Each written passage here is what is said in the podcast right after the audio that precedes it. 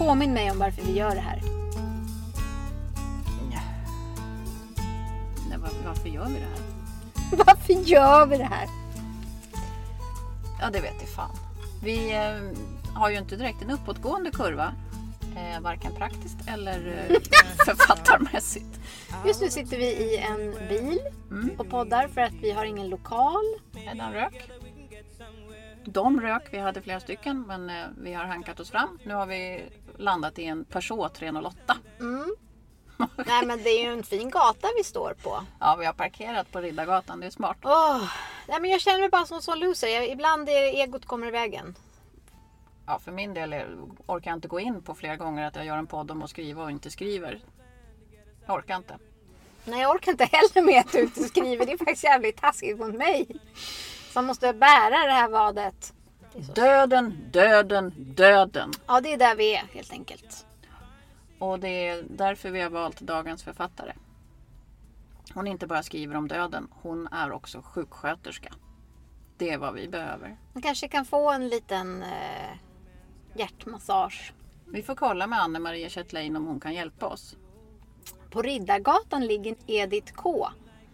En PR-byrå som jobbar med många av Sveriges finaste förlag. Bland annat med Anne-Marie. Och där ska vi få prata med själva Edith. Höra hur det är att eh, jobba med författarskap.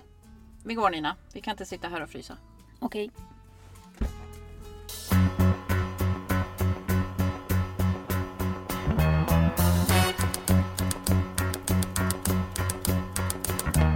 Det är jag som är Nina De är. Och det är jag som är Johanna de Valiant. Och vi tänker debutera. Eller dö. Tumble out of bed and I stumble to the kitchen. Pour myself a cup of ambition and yawn and stretch and try to come to life. Jump in the shower and the blood starts pumping. Out on the streets, the traffic starts jumping with folks like me on the job from nine to five. Working nine to five. What a way to make a living. Barely getting by. It's all taking and no giving. They just use your mind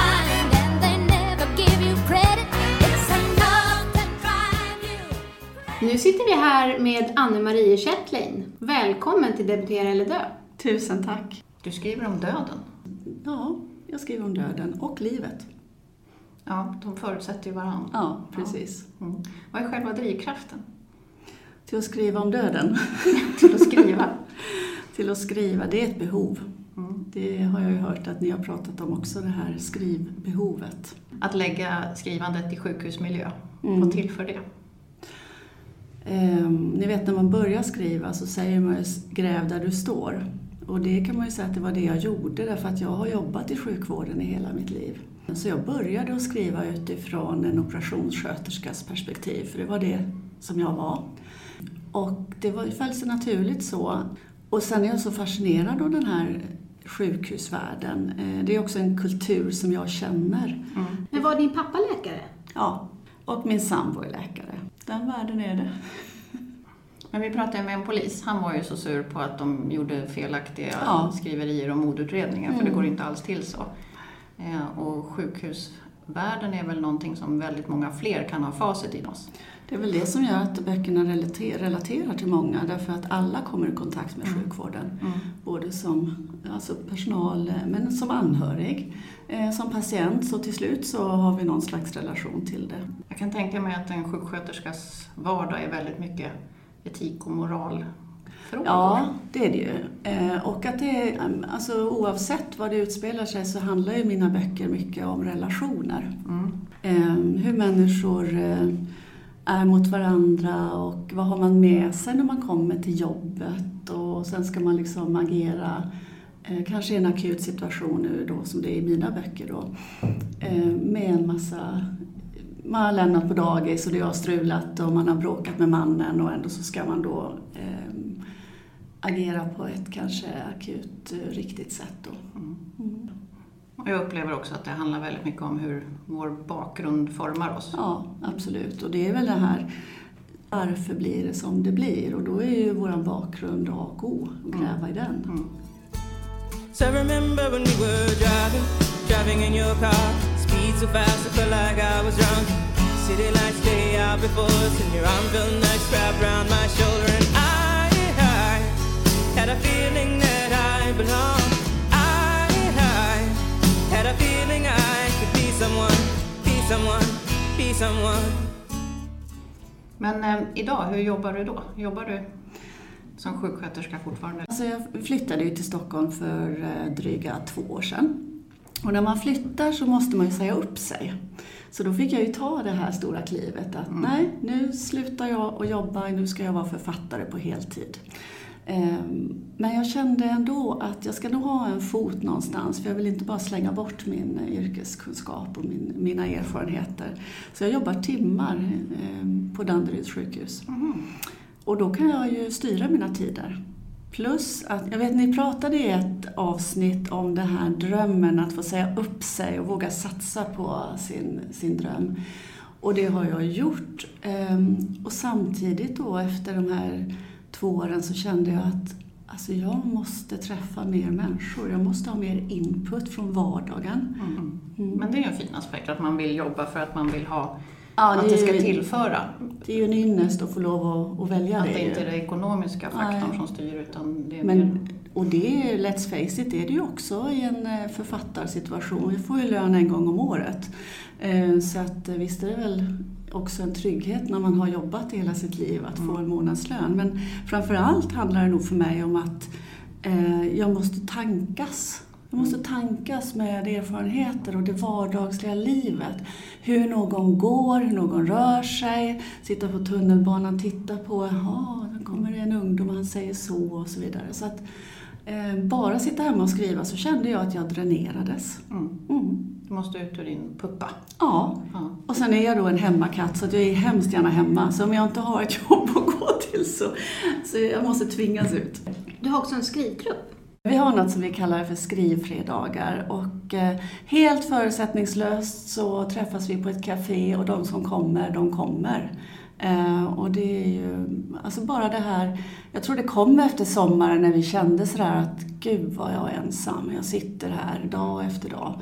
Eh, jag måste se någon, jag måste ut och jag måste få prata med andra om mitt skrivande och där kommer ju ångesten. Är det här bra? Vad ska jag göra nu? Så att eh, ha kollegor, skrivkollegor att prata med. Mm. Ja. Men i ditt fall kanske det hängde ihop också med att du precis hade flyttat till Stockholm. Ja, att skapa sig ett nytt umgänge, ja. Absolut. För dina böcker utspelar sig i Halmstad fortfarande. Ja, Mm. det gör Jag de. tänker på fyran också. Ja, det är samma serie om kirurgen Andreas. Kan inte du berätta hur du kom på den här Andreas? Han har en liten så här, eh, vad säger man? Hatkärlek. Ja, men han, han är speciell. Lite, Kvinnokar. ja, lite, lite kvinnokarl, ja. Ja. Och eh, ganska vek i början, eller hur? Lite utan vilja och så här. Så att han eh, har nog retat gallfeber på ganska många kvinnor tror jag som har läst honom. Eh, men han har ju en utvecklingskurva. Det är ju en serie. Så jag vill ju tro att han utvecklas.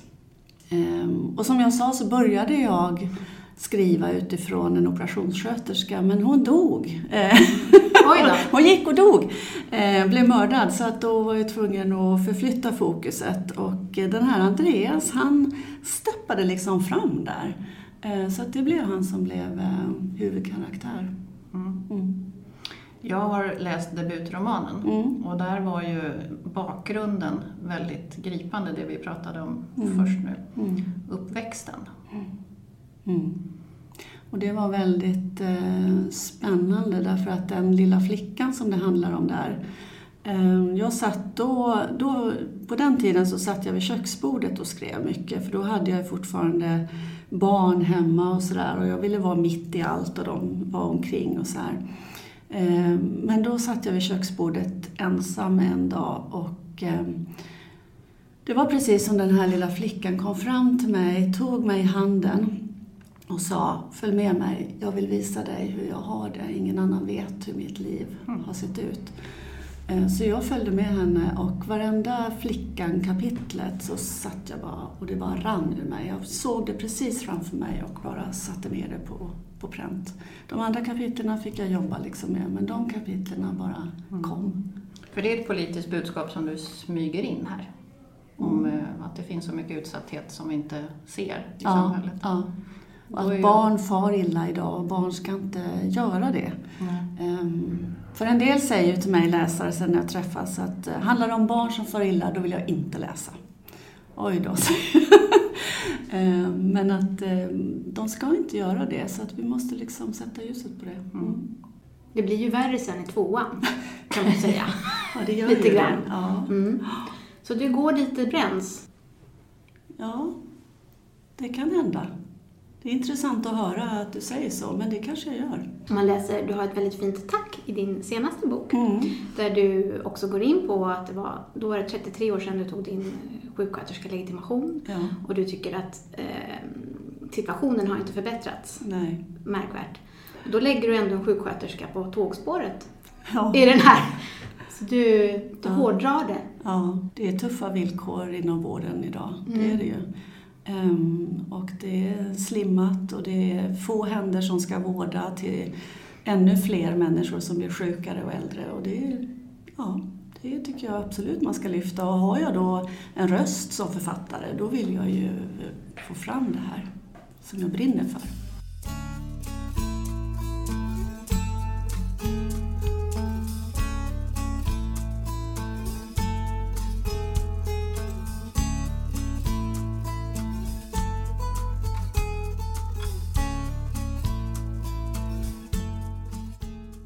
Har du nu härnäst på gång?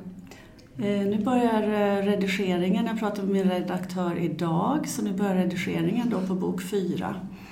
Eh, och bok fem har jag startat på, så att det blir nog lite till med Andreas. Och vad blir det för titlar? är jag ju lite nyfiken på. Döden är ju... Döden, döden, Är det döden. det? Ja. Nej, men nu är det ju tre med döden. Ja. Ehm, vi får se. Jag och förlaget pratar om det. Vilka krystverkar tycker du är svårast då? Var ettan eller femman? Vilken är värst? Jag tycker inte det blir lättare. Jag tycker man sätter större krav på sig själv, tror jag.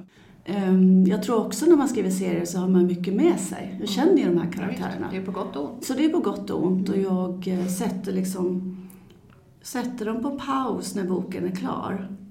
Och sen så när det är dags att börja skriva så trycker jag på play och så börjar de leva igen. Det är, Praktiskt. det är väldigt häftigt. De är väldigt snälla som står där på paus. Så de stör inte när du är i mataffären eller eh, tränar eller ligger i badet eller... Ja, men inte om de står på paus. Du, har, du kan verkligen säga Ja. till dem då? Mm.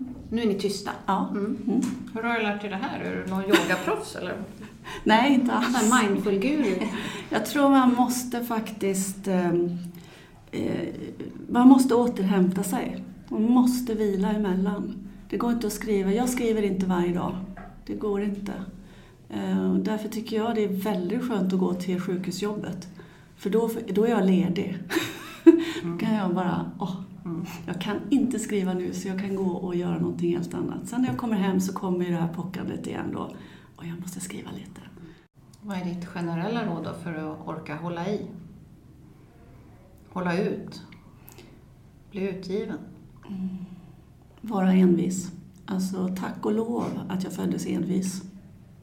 Det är inte alltid lustfyllt. eh, Men behovet väger tyngre än det. Eh, Men som jag sa, jag skriver inte varje dag. Men jag har hela tiden den här tankarna kring det. Mm. Men du får ihop mycket böcker.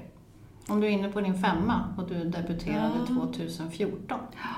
Det känns ju inte så eh, en vanlig tisdag sådär när man sitter vid datorn. Varje ord är trögt så känns det inte så. Men alltså det är fyra år sedan jag debuterade och det är klart jag blir chockad själv när jag tänker på det. Mm. Det är en om året. Ja, Fast första kanske tog längre tid. ja. Mm. Den tog sju år. Ja. Nu går det lättare. Ja, Ja. så är det. Och vad är det du har lärt dig? Varför går det lättare? Eh, rutiner, disciplin. Eh, jag gör, ett, eh, jag gör en, eh, en planering helt enkelt. Okej, jag har eh, nu tre, fyra månader. Alltså ofta så tar de tre, fyra månader att skriva. Och då har jag tänkt ut en del innan och sen sätter jag mig och skriver. Men du är modig. Tycker du? Tusen tack. Det är ju ingen som går och säger till en att skriv för att du kommer bli utgiven eller vi vill så gärna. Utan de som har ändå kommit i mål och fortsatt eh, skicka in manus och sen bli böcker. Det kräver ju väldigt mycket mod. Som jag tror kanske inte att jag förstod hur mycket mod det krävdes. Och i ditt fall eh, känns det lite som en mission. Att du har velat skriva om det här, eh, ditt tema om eh, sjukhusmiljöer och arbetsmiljö. Ja, och barn. Ehm, Men det är ju, jag vet inte, jag ser det inte själv som mod, jag ser det faktiskt som envishet.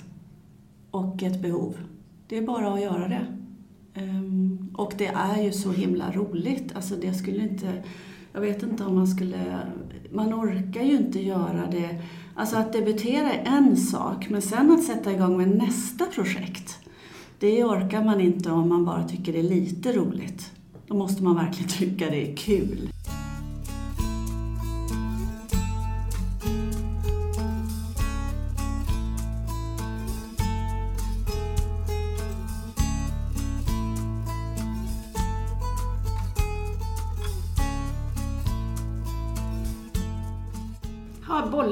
Med din sambo?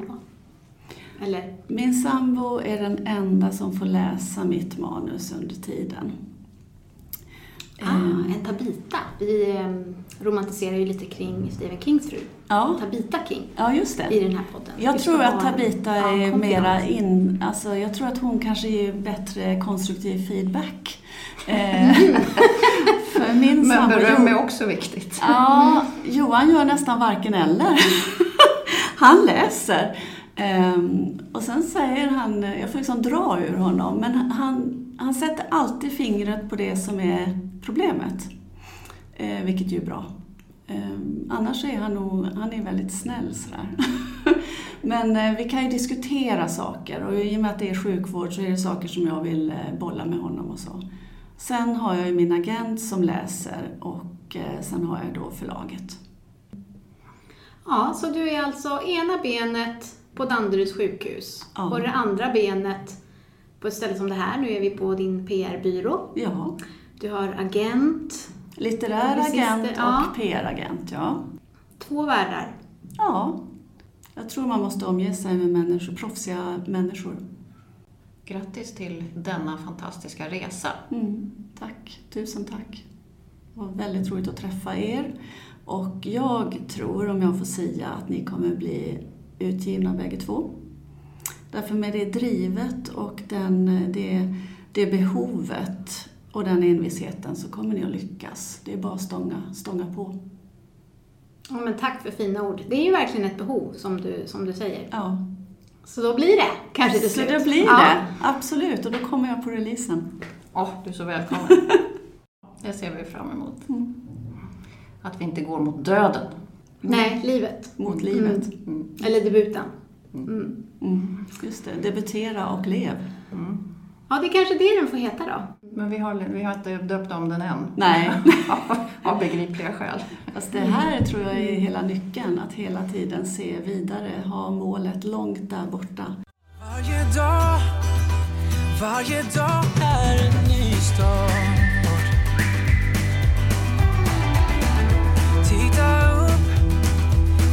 Speglar all vår mark.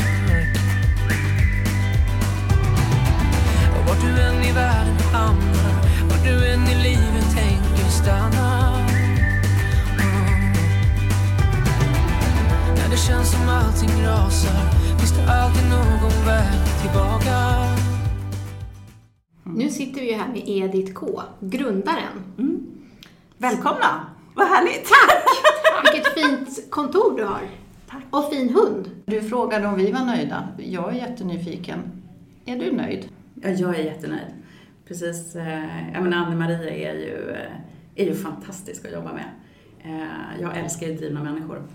Så att det känns ju, har, man, har man klienter som är framåtlutade och är, ja, men att de känner att jag vill det här mer än någonting annat. Och det måste man nog känna om det är så att man ska ta sig någon, någon vart. Eh, och det gör Anne-Maria. Det här får det låta som att du har valt henne. Vi väljer våra klienter. Eh, och det är inte alla som passar att ha en, en PR-agent som eh, flåsar i, i nacken. Men eh, man blir ju nyfiken nu, för du har suttit med vid vår intervju och då tänker jag, vad är det du vill?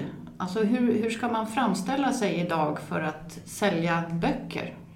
Alltså man måste vara genuin. Det är jätteviktigt. Man kan inte förställa sig. Man måste, eh, man måste lyfta fram det som man verkligen brinner för, för att annars så ser folk igenom det. Mm. Det är ingen idé att låtsas eller, eh, eller bygga någonting som inte finns där. Utan, utan du ska titta på vad är, det, vad är din passion och vad är det du brinner för? Även ut, liksom förbi författarskapet. Eh, Det kan vara en god sak, det kan vara, som i Anne-Marias fall så, så är, det ju, är det ju sjukvården. Ehm, och, och det är klart att det är jätteviktigt att just det här att hon, hon belyser bristen i vården genom sitt författarskap. Alltså hur plockar man fram det unika i alla? Och det måste vara det som är jobbet. Mm. Det är bland annat jobbet. Eh, och där kan jag säga att vi jobbar med, med en process som vi har jobbat med sedan vi startade för fem år sedan. Ehm, och eh, det är en väldigt framgångsrik process, ska jag säga. Många gånger så är man ju hemmablind också. Vad är det unika hos mig? Det, är många, det finns folk som kommer till oss och så, och så sitter vi ner och så knådar vi och, och, och, eh, och börjar egentligen plocka bort lager på lager. Och så säger de så här, men gud, nu fattar jag, nu ser jag. Det är ju som att jag har nya glasögon på mig. Nu, nu, nu öppnar sig en helt annan värld. Och det betyder inte att man förställer någonting, utan att man verkligen förstärker vissa saker. Ja, Eh, det är en jäkla skillnad. det är en jätteskillnad. Och, eh, och det skulle jag nog säga är anledningen till varför jag gör det jag gör. Eh, Jag älskar att bygga. Och det är väldigt mycket lättare att knyta an till en författare som man är nyfiken på, man kan relatera till. Nu jobbar ju inte vi bara med författare utan vi jobbar med olika typer av personliga varumärken. Det kan vara ja, men, näringslivs till eh, digitala experter. Men, eh, men vi har jobbat just med författare under, ja, sedan starten egentligen. Och vad finns det för utmaningar just med att jobba med författarskap? Det är två, två saker lite grann. Det är en person som ska fram och sen så är det då böckerna Mm. personen skriver. Precis. Och där kan man säga så här att vi har, många gånger så har vi två uppdragsgivare. Eh, nu är det ju inte bara så att vi har jobbat med författare utan vi har jobbat med väldigt många förlag. Och eh, vi jobbar bara långsiktigt. Å ena sidan så har vi förlaget som kund. Å andra sidan så är det så att författare kommer till oss och är kunder och då är vi kravställare mot förlag. Så att eh, eh, ibland sitter vi på båda stolarna, ibland sitter vi på ena stolen och kravställer mot den andra. Eh, men som svaret på din fråga så, så är det så att Utmaningen där handlar egentligen inte om att man antingen eller lyfter författare eller bok, utan eftersom vi bara jobbar långsiktigt och har vi uppdraget för då författaren, så är ju författarskapet inte bara en bok, utan författarskapet är ju som till exempel i Anne-Marias fall, här pratar vi fyra, fem böcker. Eh, som författare idag så ska man ju inte tänka annat än åtminstone tre böcker tänker jag. Kanske ni känner på, oh, pressure. Men, men, men, eh, men jag tror absolut att eh, eh, man måste ha ett serietänk.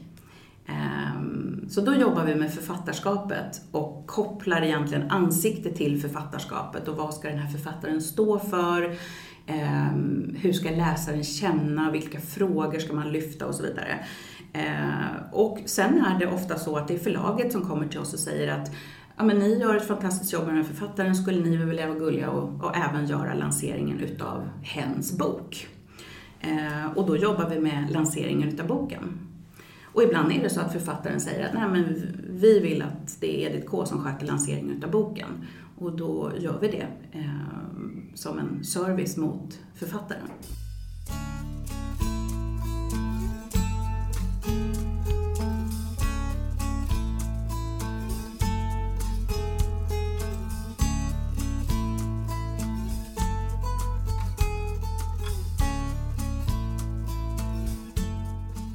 Här betyder att när du då plockar dina författare, Mm. då läser du böckerna, Mhm. hela gänget.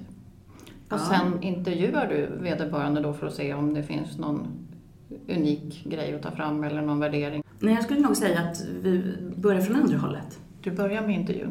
Jag träffar alltid person. Mm.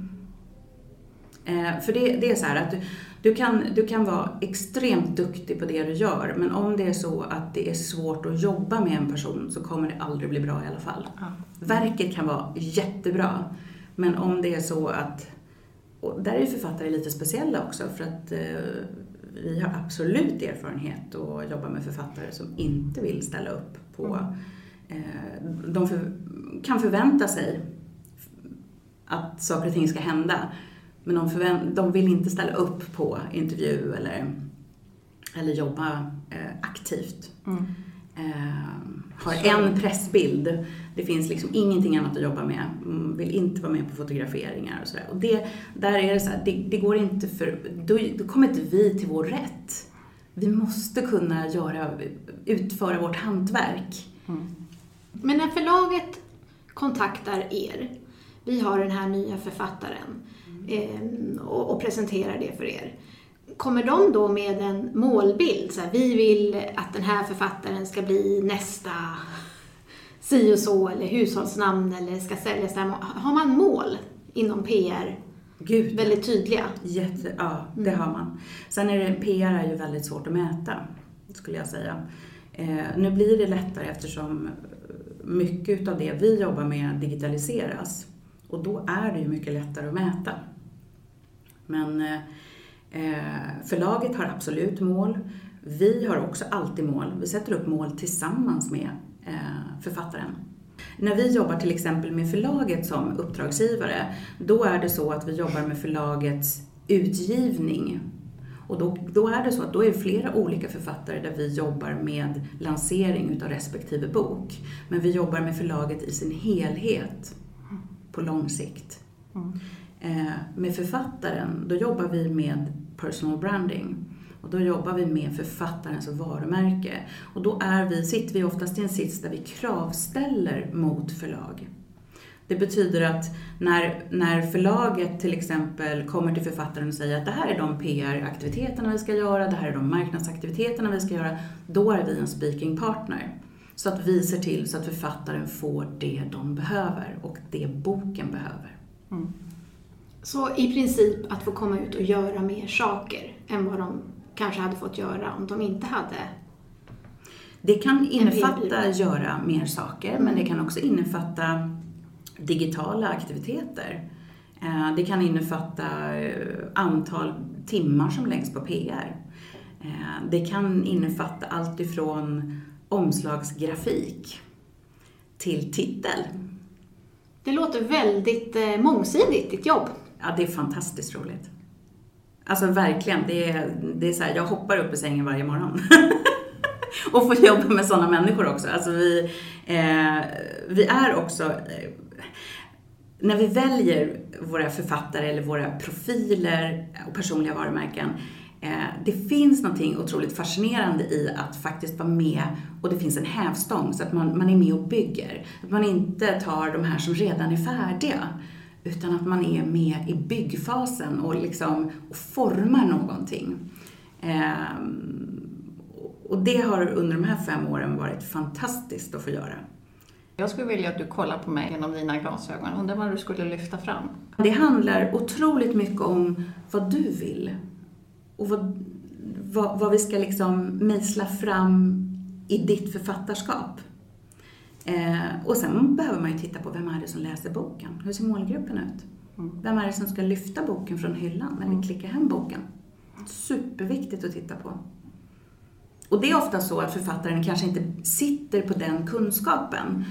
Ehm, bara för att man är författare betyder inte att man är superbra på kommunikation eller på digitala lösningar. Eller hur ska jag jobba i sociala kanaler?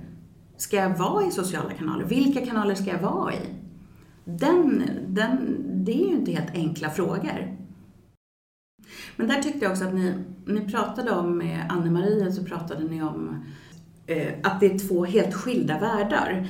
Eh, dels att man behöver vara lite utav en eremit för att klara av att skriva och sitta och tugga. Men sen måste man vara lite societetslejon samtidigt, alltså, det, det, det är ju en enorm krock. Och det är ju någonting som vi är väldigt vana vid att hantera. Dels så behöver ofta författaren kanske lite extra, vi har ju kontinuerlig kontakt hela tiden. Så att jag tror inte att man har en större hejarklack än vad vi är liksom under den här processen. Det är ju jätteskönt att kunna bara ringa någon och säga så här, ah, men alltså nu bara, det här funkar inte, jag behöver hjälp. Och, och vi ställer upp. Eh, men sen också åt andra hållet när man ska ut och möta och signera och, eh, och göra intervjuer och, och, och liksom sätta på den här knappen. Alla är ju inte som Anne-Marie i det här fallet som tycker att det är så himla roligt. Utan de brinner för själva skrivprocessen. Eh, och då ska jag säga är det ju sjukt bra att ha någon som, som håller den i handen och bara okej, det här tackar du ja till, det här tackar du nej till, jag är med dig hela vägen.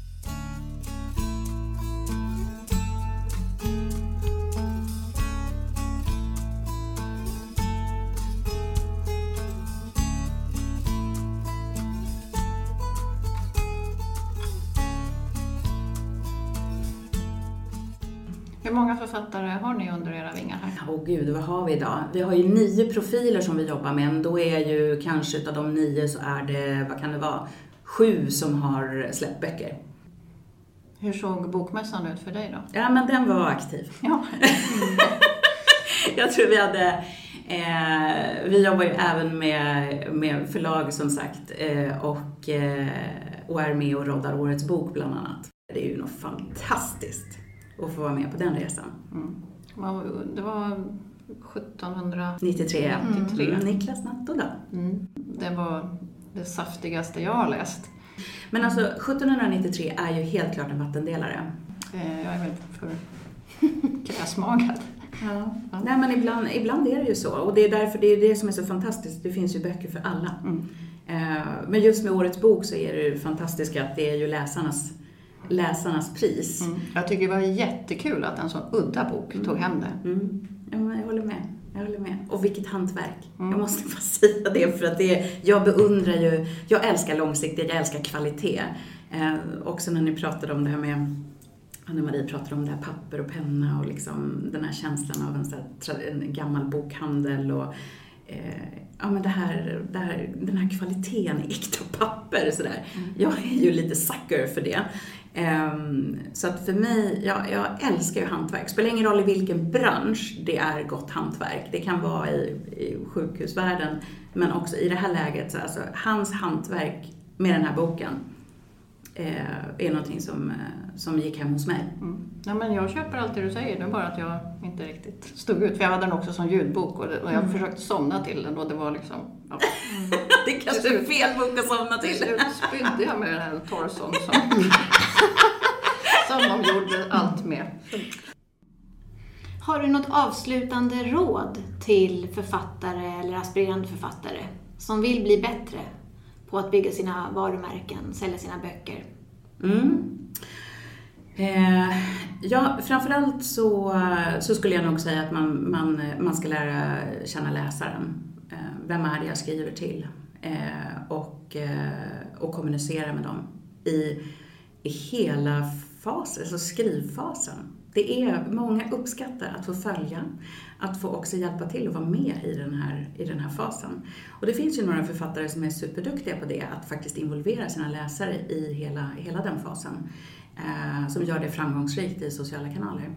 Så det tycker jag man ska tänka på, att man inte ska glömma bort läsaren i, eh, i den här processen. Integrera sin... Ja, det kan vara, det kan Köper. vara att, man, eh, att man frågar, okej, men nu har jag den här karaktären, är det någon som har förslag på ett namn? Eh, och det, det är väldigt uppskattat. Mm. Sen så tycker jag också att man ska välja en kanal eh, som man är riktigt, riktigt bra på att prata med sina, med sina läsare. Eh, hellre att det är roligt och man väljer den kanalen som, som man tycker om, än att man ska vara i alla kanaler och prata halvdant i alla kanaler. Och vad är kanalerna? Ja, men det kan vara Instagram, det kan vara Facebook, det kan vara Twitter. Eh, nu är inte Twitter en sån här traditionellt författare, men, men vissa författare är ju faktiskt väldigt politiskt involverade och aktiva och då kan Twitter vara en, liksom en bra kanal. Det kan vara YouTube, det kan vara en podd. Mm. Men eh, det, man ska välja den kanalen som man faktiskt vet att här kommer jag att leverera. Jag vet att jag inte, åh oh, gud nu har jag en stress, jag måste lägga upp någonting. Utan där, man, där det kommer liksom naturligt. Minst motstånd. Minst motstånd och, eh, och jag, jag är helt övertygad om att alltså man behöver idag ha någon form av kommunikation med sina läsare. Det finns jättemycket bra manus där ute. Bygg plattform, säger jag. Så vi kanske har gjort något rätt. Ni har gjort det väldigt mycket rätt. Ja, men tack. Det var ju peppigt. Jag måste hem och skriva nu. Ja. ja, men tusen tack Edith Tack för dina insikter. Ja, jättehärligt att ha er här. Ja, Jag tycker det var skitcoolt att få träffa dig. Tack snälla. Ja, vi får försöka ansöka någon gång i framtiden. Om, och bli dina författare. Ni är varmt välkomna. Kanske så att jag hinner före och plockar er innan. Leave tonight or live and die this way. Jag fick en uppfattning av Edith att vi har gjort något rätt Nina. Det var bra, för det var inte så det kändes innan vi skulle gå dit. Okej, jag har inte skrivit mycket sista året. Jag har inte skrivit alls.